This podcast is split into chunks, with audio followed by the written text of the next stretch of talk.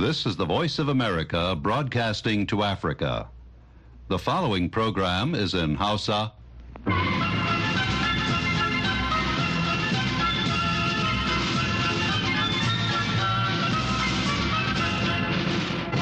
Sashen Hausa na murya Amurka ke magana daga nan birnin Washington DC.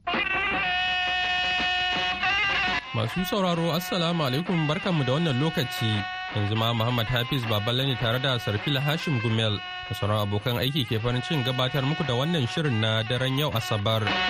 Bayan labaran duniya za mu kawo muku shirin zauren BOA da Madina Dauda ta shirya za ta gabatar. kamar kowace rana asabar ibrahim kalima si garba zai shigo mana da shirinsa na amsoshin tambayoyinku amma kafin nan sai a gyara zama sauran labaran duniya daga bakin sarfil hashim gumel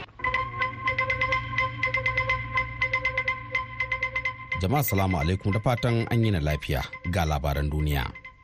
Ƙungiyar tattalin arzikin ƙasashen yammacin Afirka ECOWAS ta amince ta ɗage wasu takunkumai da ta ƙaƙaba wa ƙasashen Nijar, Mali da Burkina Faso da kuma Gini. an gabatar da ƙudurin ne yayin wani taron ƙungiyar na musamman kan zaman lafiya da siyasa da kuma yanayin tsaro a yankin ƙasashen ecowas a yau asabar a abuja. Sai dai ƙungiyar ƙasashen yankin ta ce takunkumin siyasa da aka wa nijar zai ci gaba da kasancewa amma ta ɗage wasu takunkumai na hada-hadar kuɗaɗe da na tattalin arziki da aka kakaba wa gini da wasu takunkumai da aka kakaba wa ƙasar mali waɗannan ƙasashe sun fuskanci fushin ƙungiyar ecowas bayan da sojoji suka hambar da gwamnatocin fararen hula a ƙasashen inda ta kakaba musu takunkumi kan kare tattalin arziki da siyasa. Ministan harkokin wajen Najeriya, ambasada Yusuf Tugga ya yi wa wakilin Umar Faru Musa karin bayani kan wannan janye takunkumi da aka yi. to alhamdulillahi a takunkumai da aka cire su ne na farko dai buɗe boda domin a ci gaba da walwala da cinikayya tsakanin mutanen Najeriya da Nijar da kuma sauran ƙasashe na Afirka ta yamma. Na biyu akwai zancen lantarki da za a mayar wutar lantarki. Saboda tausayawa da ake yi wa a talakan Nijar da al'ummar ƙasar Nijar da sauran ƙasashe fama da wannan matsala na rashin wuta.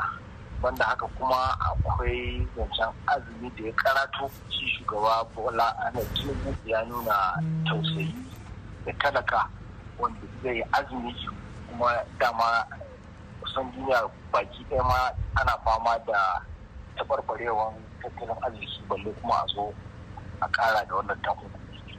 Saboda haka shi sa aka shirya wannan abubuwa. To ina sauran takunkuman kuma na tattalin arziki kamar magana kudadensu da waɗansu abubuwa suke ganin na takurawa ne tsakanin ƙasa da ƙasa. Su ma duk an buɗe. Dama kusan abin da yake kasancewa shine akwai gudunmawa ma da akan bayar wani lokaci saboda rashin bayyanta ba a ba su shiga wannan ƙasashe. amma ba wai an daina ba da gudunmawa ba amma dai duk wani abubuwa kuma fatan mu shine Allah zai ganar da su su fahimci cewa fita daga ƙungiyar ECOWAS kusan zai kawo matsaloli da wahalhalu wa talaka fiye da ma na takuman a ɗaya ɓangaren kuma matakin ɗagewa ƙasashen mali da nijar da burkina faso da kuma gina takunkumin da ƙungiyar ecowas ko cdio ta sanar a ƙarshen taron shugabannin ƙasashen yammacin afirka da yawa kana yau a abuja ya saka farin ciki a zuciyoyin jama'ar jamhuriyar nijar. Sakamakon yadda abin ke kawo ƙarshen yanayin kuncin rayuwar da aka shiga yau watanni kusan bakwai sanadiyar rufe iyakoki da takaita zirga-zirga harkokin kasuwanci da tsinke wutar lantarki. ko da yake wasu na ganin matakin ya zo ne a makare kasancewar tunan mali da burkina faso da nijar sun sanar da ficewa daga ƙungiyar ta ecowas don mayar da hankalinsu kan kungiyarsu ta aes a ɗaya gefe kuwa wasu 'yan ƙasar ta nijar sun buƙaci ajiye zuwa mataki na gaba ma'ana a gaggauta sallaman haɓaɓɓaren shugaban ƙasa muhammad bazum da mai ɗakinsa sannan lokaci ya yi da ya kamata hukumar mulkin sojan nijar su fitar da jadawalin ayyukan gwamnati riƙon ƙwarya don baiwa 'yan siyasa damar fara shirye-shiryen zaɓen dimokuraɗiyya.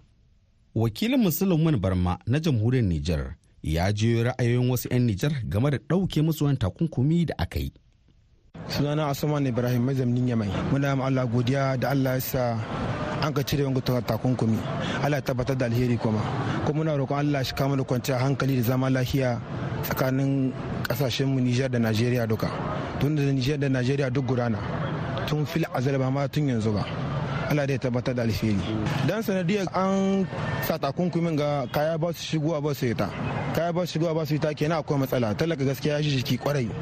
An ji jiki ba Nijar ba Najeriya ba. Wannan hata dai Allah ya sa wanga abaran kai zama alheri gare mu duka. Ni ne malam Umar Sulai shugaban ƙungiyar farar hula da ake ce ma FCR to lalle wannan mataki da sun ka ɗauka ya nuna halin dattako na wannan shugabanni na wato wannan ƙungiya ta ecowas da suka nura da kan cewa da waɗannan matakai da aka ɗauka matakai ne waɗanda suka sa ƙaimi matsala ga talaka musamman na waɗannan ƙasashe wanda yake su shugabanni suna can sama koli ba su san abin da ake ba. Don haka yau muna cikin farin ciki. Wannan alama ce da ke nuna ita kanta wannan ecowas wato ƙungiya ce wadda tana son zama lafiya afirka gaba ɗaya da afirka ta yamma. Abinda 'yan ƙasa ke jira shine ya kamata wato shi wannan shugaban ƙasa muhammadu bazum shi da matar shi a sako su. Sunana ibrahim umaru jamilu. To wallahi mataki mun shi daɗi da aka ce an ɗage shi fiye da wata shidda yau. Mutane na cikin wani kunci na rayuwa. Duk da dai alhamdulillah mutane sun ana ci gaba da riƙe kai da mutumci kuma abubuwa suna ta ƙoƙarin su gyaru lokaci-lokaci.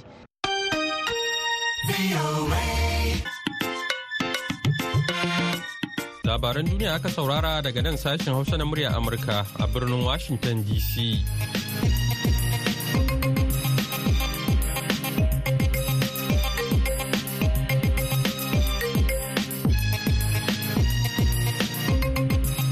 Kuma bari mu koma gefe guda Madina Dauda ta gabatar mana da shirin zauren BOA.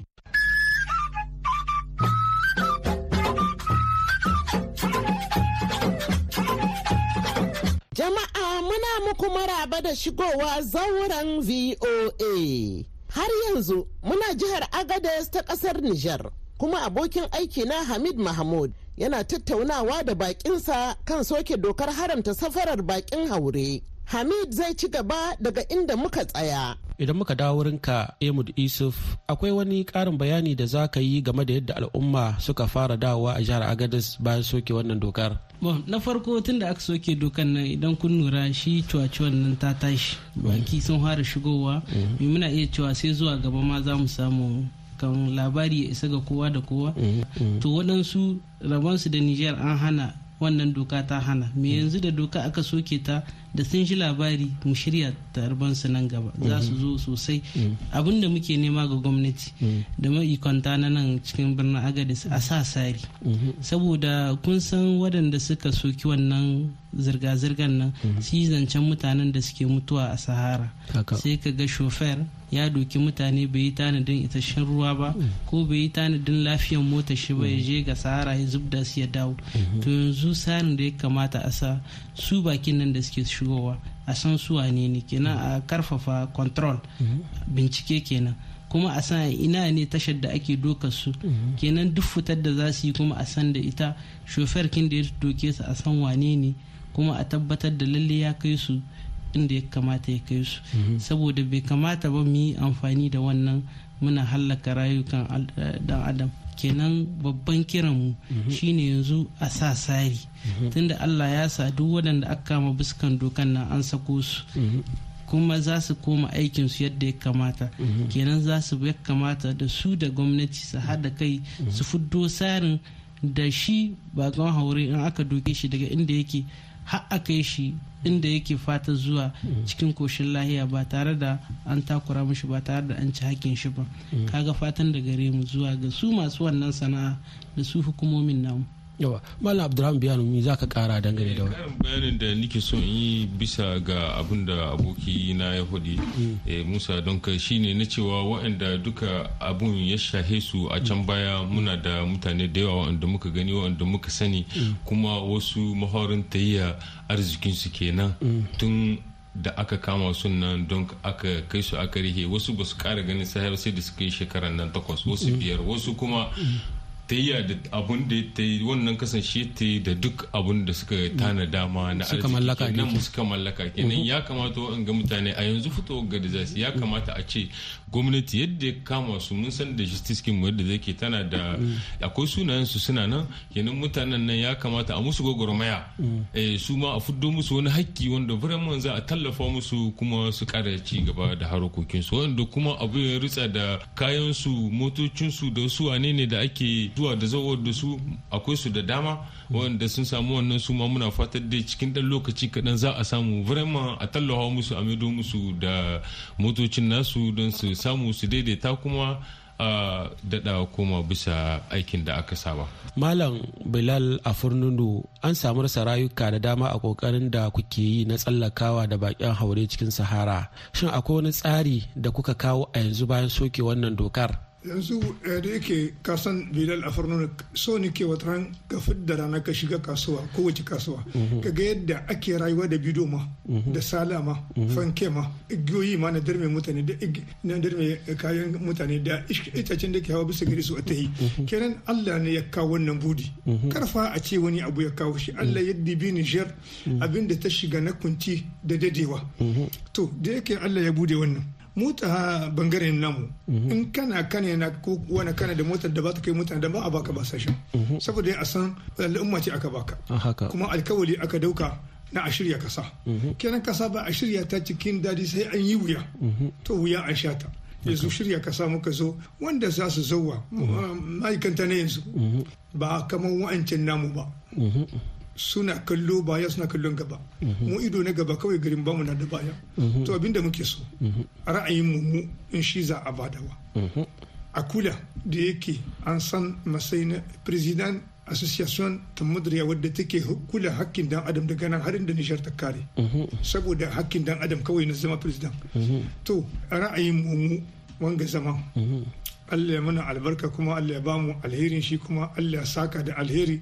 Niger an tana wani rami Allah ya fiddo ta. Kuma addu'a take fiddo ta da ta fito ma. Ta fito ma Niger yanzu ka gabin da ake yi a tahi. Duniya ta gamu. Da canan ka tahi durku. Sai ka yi nawa zaka ga mota guda. To yanzu motoci a game kawai. Saboda an shiga walwala. Eh, wanda aka kama. Akwai diyan mu ciki akwai shikokin mu ciki. Hak- yanzu haka motocin su suna can gidan kaso a saye yanzu haka wanga zama akwai mota guda tana justice. To wannan so muke yadda yaro ya faɗi yanzu. Kenan wangamtan suka fito. A ba su yadda za su ci da talakawansu wanda suka sha wuya bayan su. Bayan nan an sha wuya ƙwarai sai dai Allah ya mana jimri. To wannan wuyar da muke so. So muke Allah da ikon shi ya kawo muna yadda za a muna sakamako. Kenan wanga an kama shi ya fito to wagga mota inda gara a gara mishi. Inda wani hanya a mishi wanda zai fidda talaka wanda ya bari cikin kunci. Kunci baya zauwa ma wurin mu alhamdulillah. Amma dai sab- saboda mi saboda zuciyar mu ad take da kyau. To da ikon Allah wanga abin da aka yi Allah ya samu ci amfani shi. Allah ya samu ci gashe shi. Allah sa wanda aka ma gurbi gurbi nan ya cika shi da alheri. Wanda za za su fidda mu cikin masala Allah ya kama musu. Mu ba mu bambanta wani da wani ba. Amma mun so Nijar ta zama Nijar. Ta ce ta wace ta kowa ta kowa. Ba ta Nijar ta mutum biyu ko uku. A'a ba ta su bace Nijar. Baya tana da yawa. To wannan baya aka san aka san kai aka ce ai aiki da kowa. Ba mu barin kafin kafo ba mu barin gurgu ba mu barin kowa. Muna so ya shiga cikin tahiya. To tiya ba a shiga ta sai da shawara. Sai yaya kuka ce yaya mai kyau ya wanda bai da kyau wannan haya take ta bi wannan. Ni na shi daɗin da aka ce gwamnati kanta tana ba da shawara ga talakawa. Kenan ciwon da suke can hade amma yaushe za a yi yanzu? Kowa ya faɗi ciwon da ke wurin shi. Ni a ishe ni yanzu ka- wata rana ka yawo kaga yadda aka rayu a kasuwoyi ma. Kaga bido ya kai dubu duk gobe babu ko guda. An sai su mai su ko ya samu abinci. Kenan sauran wannan igiya ga ta nan ta dar mai kaya. Ga min abubuna buhuna ana ɗauka waya waya waya. To wannan abu shine alherin gari. A gadis dama in kan nemi wani mutum da ya iya magana ce menene a gadis kamar kana nan in zo wajen ka ce gadis na yau to a- kasa ce da Allah ya mata albarka wadda ba ta kulguwa to a riƙe wannan albarka don Allah ya ƙarfafa ta. Kan mu fidda albarka cikin zance a gadis wannan da kake gani. Ma- yanzu kana bariyar sai ka ga wallahi mota takwas tara mota ne rataye maka zo garin gaba ba ka san da shiga shiga ba. Wannan abu mamaki ne kawai. To mu mu kama da niyya guda Allah ya taimaka kuma Allah abin da ya so shi ne zashi mu yi jimri cewa ake yunwa kaza kaza. Babu yunwa ba mu ganin ta har abadan ma. Saboda zuciyarmu ba ta yunwa ba ce. Allah ne da ikon shi yake tallabe da mu da niyoyin mu da niyyar ka ake bi. In ka dogara da mutum Allah ya barka da shi kuma ku hallaka to mu mun dogara ga Allah. Wanda suke gaban mu Allah dai ya kama musu. Yawa. Malam Musa Bashir akwai abin da zaka ce game da batun takin hakkin bil'adama a ƙoƙarin tsallaka da bakin haure? Na ji wanda suka riga ni magana biskan wannan. Labarin sun ce ya kamata a sa tsari. Yawa tsari ya kamata a sa. Yanzu kuma gwamnati ita ya kamata ta kam ta sake ta sa tsari. Tsari ne na tsaro. Kamar yadda muka ci hanya ce ake tafiya daga nan zuwa wata ƙasa kuma sahara ce ake bi. To na ana samun mutane wasu ba su kai labari. Kenan ya kamata a ƙarfafa tsaro tunda ana gamuwa da bandi kuma masu tafiya da su. Ya kamata su shirya idan za su yi wannan tafiyar. Shiri kamar yadda suka ce mota mai lafiya. Kuma a ɗauki isasshen ruwa kuma a san wanda aka ɗauka adadin mutanen da aka ɗauka kuma waye ɗauke su. Kuma sk an kai su inda ya dace. To ya kamata a sa ido akan irin wannan tafiye-tafiye zargani. Ya kamata a ce gwamnati yanzu a sa ido kan wannan hanyar. Mu a matsayin mu na kare haƙƙin bil'adama ya kamata mu mu kasance wanda za mu shiga labarin waye kai. Masu wanda suke wannan aikin da su bakin masu shigowa. Yawa shine muke gani abin da ya dace zami da bayanan malam musa bashir kan batun take haƙƙin bil'adama a ƙoƙarin tsallakawa da bakin haure za mu dakata a yau. Sai makon gobe za mu ɗora a madadin ɗaukacin ma'aikatan sashen hausa na muryar amurka da solomon abo wanda ya daidaita sautin shirin. Ni ce madina dauda mu kasance lafiya.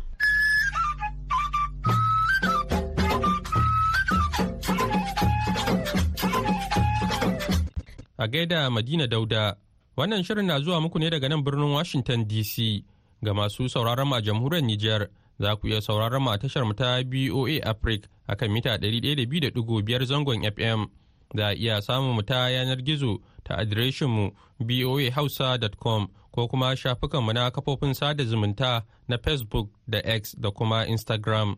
Yanzu kuma sai shirinmu na gaba.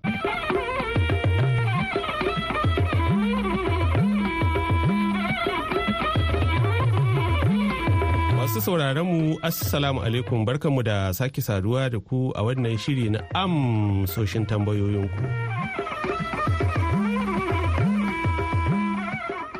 BOA Hausa ku bani tarihin shahararren malamin addinin musulunci nan mai suna Mufti Ismail Menk.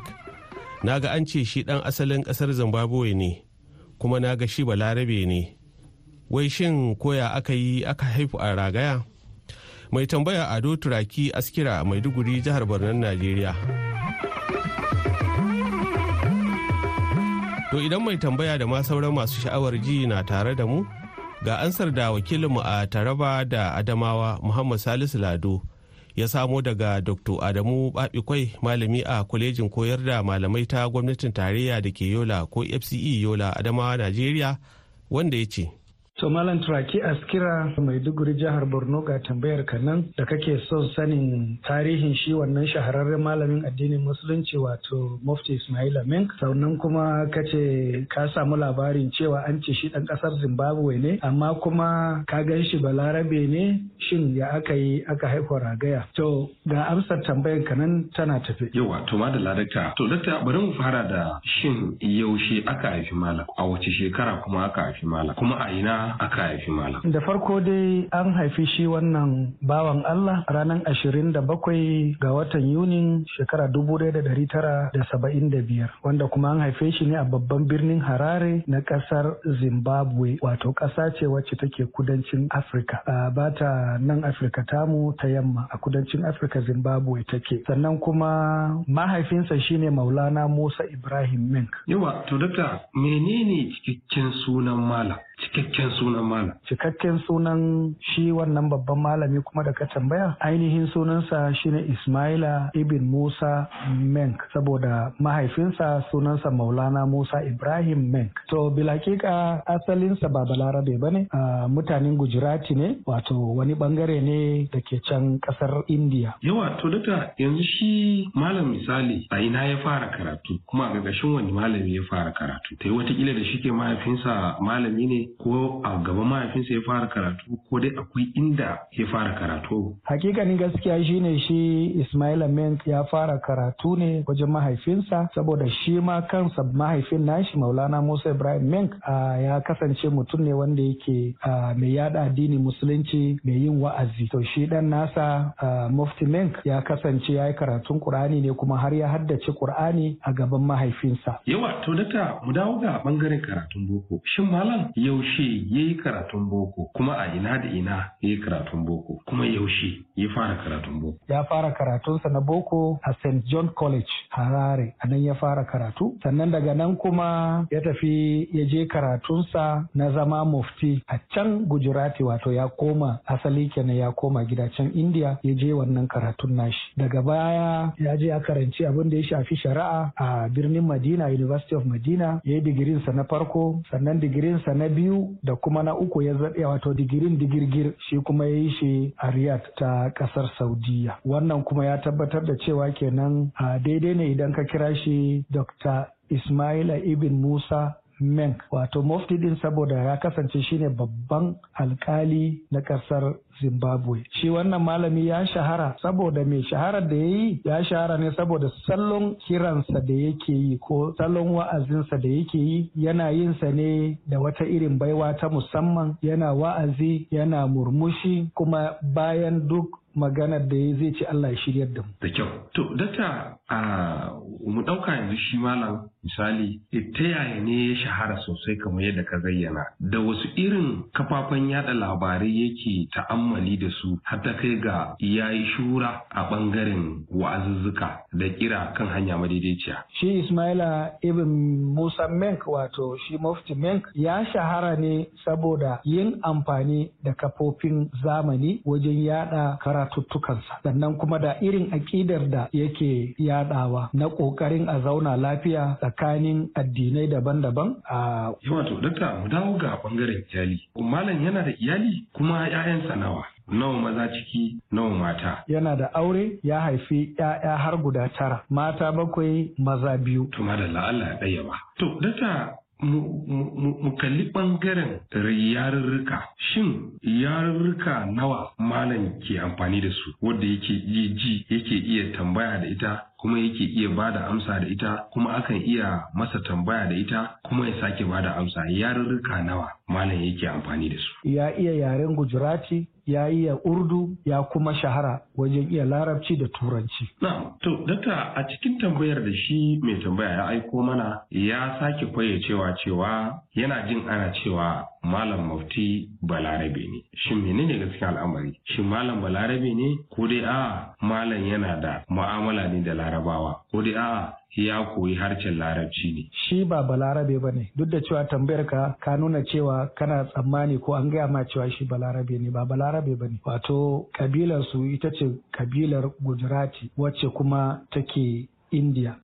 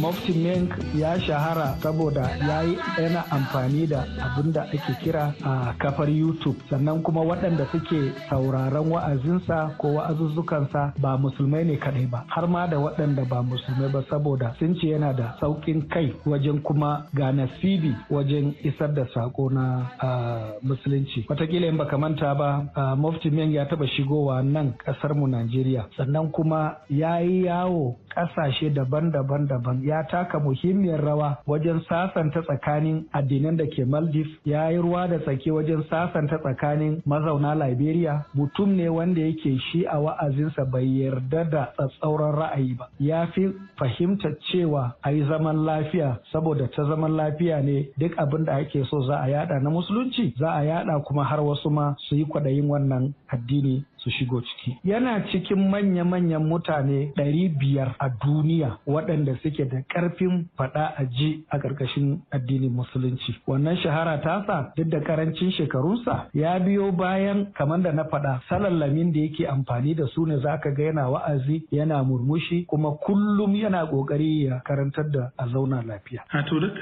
na san wataƙila ko malam ya fuskanci wasu ƙalubale wadda suka addabi rayuwarsa a waɗannan nasarori da ya samu? To in ya samu wani irin ƙalubale ne ya fuskanta kuma yaushe ya fuskance su. A 'yan shekarun baya a Mink ya samu matsala saboda kyamatar da ya nuna misali da 'yan luwaɗi. Wannan ya sa da ya nemi shiga ƙasar Singapore suka yarda ya shiga. Wannan din kuma ya sa wasu sai suka fara masa kallon wani abu daban amma daga wancan ɓangare. Waɗanda suke luwaɗi da maɗigo yan waɗannan ƙungiyoyin saboda ya fito ya soki abin da suke yi. To wani abu dai da na binciko shine mufti menk al'amuran da suka shafi iyalinsa bai cika nunawa ba. Don haka yana da wuya a ce maka ga matarsa amma dai lalle na binciko na samo mana cewa ya haifi 'ya'ya har sun kai guda tara amma ba za a iya ce maka ga wacce ce matarsa ba. Yawa to da shi malam Motimink misali yana da mabiya kamar nawa mabiya karatuttukansa kamar sun kai nawa a faɗin duniya gaba ɗaya misali. Wato Motimink yana da mutane mabiya waɗanda suke bin uh, karatunsa wanda sun haura mutum miliyan huɗu. Sannan kuma yakan samu kuɗaɗen shigansa ne uh, ta hanyar ɗan abubuwan da youtube suke bashi amma ba baya cewa a biya shi wai don zai yi wa'azi ko zai je wata ƙasa ya ce sai an biya shi kuɗi wannan babu. Sannan kuma ya yi ta samun lambobin yabo da yawa a rayuwarsa kuma ya yi rubuce-rubuce na littattafai. Lokaci ba zai ba da dama a kawo duk waɗannan ba. Amma dai bilakika mufti menk shahararren malami ne wanda duk duniya ake ji da shi. Nan kadai afirka ba ba asia kadai ba kusan duk duniya na alfahari da shi saboda kamar da na faɗa da farko salon karatunsa ya bambanta da mafi yawancin malamai. Yana saka hikima da annashuwa a ciki na ɗan murmushin da yake da kuma wasu lokuta yakan yi dariya a lokacin da yake wa'azi. Sannan kuma yana cikin shahararrun mutanen da suka iya yi wa mutane bayani ko kuma nusar da mutane abin da ake cewa motivational speakers. Suka nusar da mutane akan al'amura da yawa. Dan na taba jin inda ya faɗa ya ce in ka ji ana zaginsa bai ce ka mayar ba bai ce kuma ka tare masa faɗa ba balle ma ka gaya masa. To mutum ne wanda yake ya ɗauki duniya da sauƙi muna masa fata kuma Allah ya sa ya gama lafiya. Mu kuma mabiyansa mu ma Allah ya sa mu ɗauki waɗannan kyawawan halaye na shi. To ina fata ɗan wannan da na samo maka zai ƙara maka haske akan sanin ko shi wane ne wannan shahararren malami ɗan asalin ƙasar Zimbabwe wato Dr. Sheikh Ismaila Ibn Musa Menk wanda aka fi sani da Dr. Mufti Ismaila Menk da fata ka gamsu da waɗannan bayanan da aka maka. To sai a kasance da mu makon gobe don jin ansoshin wasu tambayoyin. Yanzu a madadin wanda ya ansa mana tambayoyin Dr. Adamu Babikwai na FCE Yola da wakilin a shiyar Adamawa da Taraba Muhammad Salisu Lado da mu Julie Leathers Gresham da kuma injiniyan mu. Ni Ibrahim Kalamasi Garba ke cewa sai makon goben idan Allah ya kai mu. Wassalam.